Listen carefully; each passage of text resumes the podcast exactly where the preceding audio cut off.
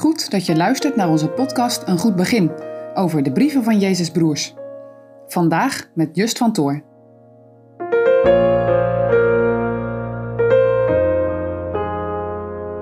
Vandaag lezen we over begeerte in Jacobus 1, vers 12 tot en met 16. Zalig is de man die verzoeking verdraagt, want als hij beproefd zal geweest zijn, zal hij de kroon des levens ontvangen, welke de Heere beloofd heeft dengenen die hem liefhebben. Niemand, als hij verzocht wordt, zeggen: Ik word van God verzocht, want God kan niet verzocht worden met het kwade en hij zelf verzoekt niemand. Maar een iegelijk wordt verzocht als hij van zijn eigen begeerlijkheid afgetrokken en verlokt wordt. Daarna, de begeerlijkheid ontvangen hebbende, baart zonde, en de zonde voleindigd zijnde, baart de dood. Dwaalt niet, mijn geliefde broeders. Verschillende keren hebben we deze week al gehoord over beproeving en verzoeking. Eén belangrijke vraag is daarbij nog niet beantwoord. Een vraag die niet zo eenvoudig is. Een vraag die jij vast wel herkent. Ik bedoel deze vraag: komen verzoekingen nou wel of niet bij God vandaan?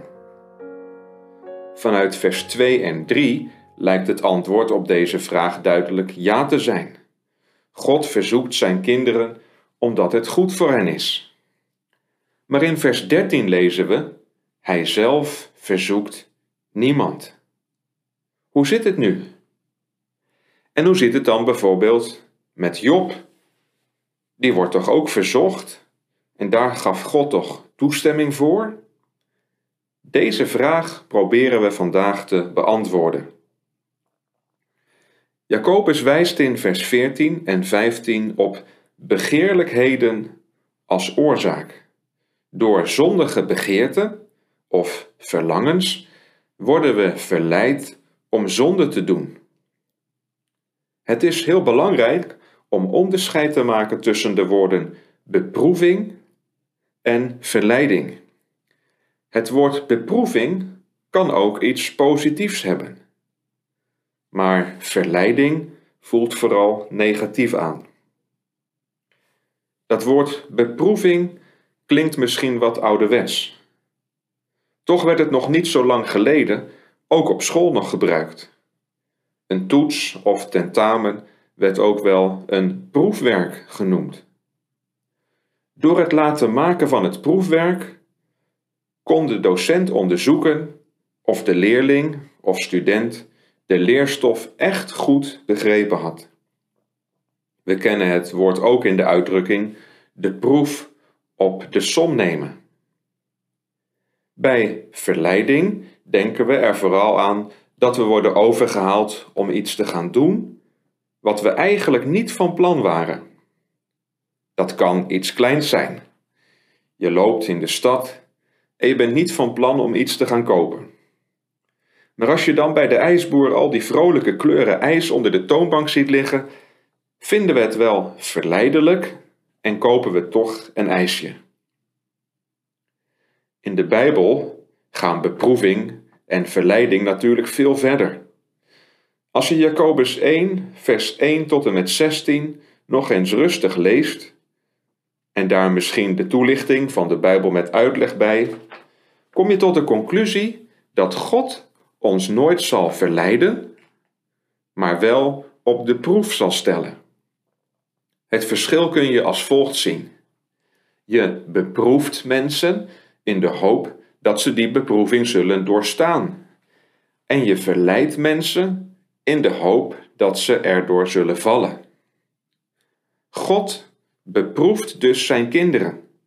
En daar mogen ze blij om zijn. Jacobus wil hen leren dat ze door de beproeving, als het ware, verder gaan naar de volgende klas van de school van de Heilige Geest.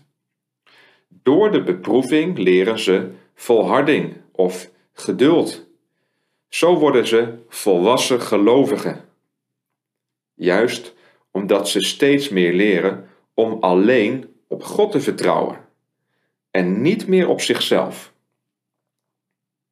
De duivel is degene die ons wil verleiden.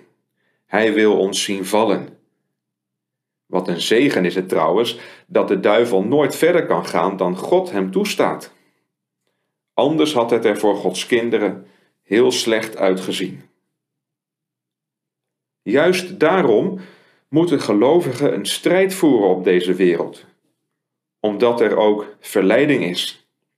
Vers 14 en 15 laten duidelijk zien dat het snel de verkeerde kant op gaat met iemand die ruimte geeft voor zijn zonde, voor de boezemzonde in zijn leven. Die ene zonde waar je niet vanaf komt en eigenlijk ook niet vanaf wilt. En dat geldt ook voor Gods kinderen. Als David toegeeft aan de zonde van begeerte, pleegt hij overspel met Bathsheba en laat hij Uria doden. Als Salomo toegeeft aan de begeerte van vreemde vrouwen, laat hij tempels voor afgoden bouwen. Als God niet ingrijpt, eindigt ons leven zo in de dood. Speel daarom nooit met de zonde. Ik weet niet hoe je dag eruit zal zien vandaag.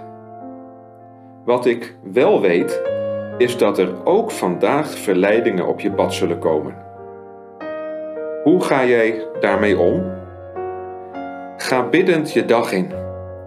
Houd gij mijn handen beide met kracht omvat. Geef mij uw vast geleide op het smalle pad. Alleen kan ik niet verder geen enkele schree. Neem, trouwe zielenherder, mij met u mee.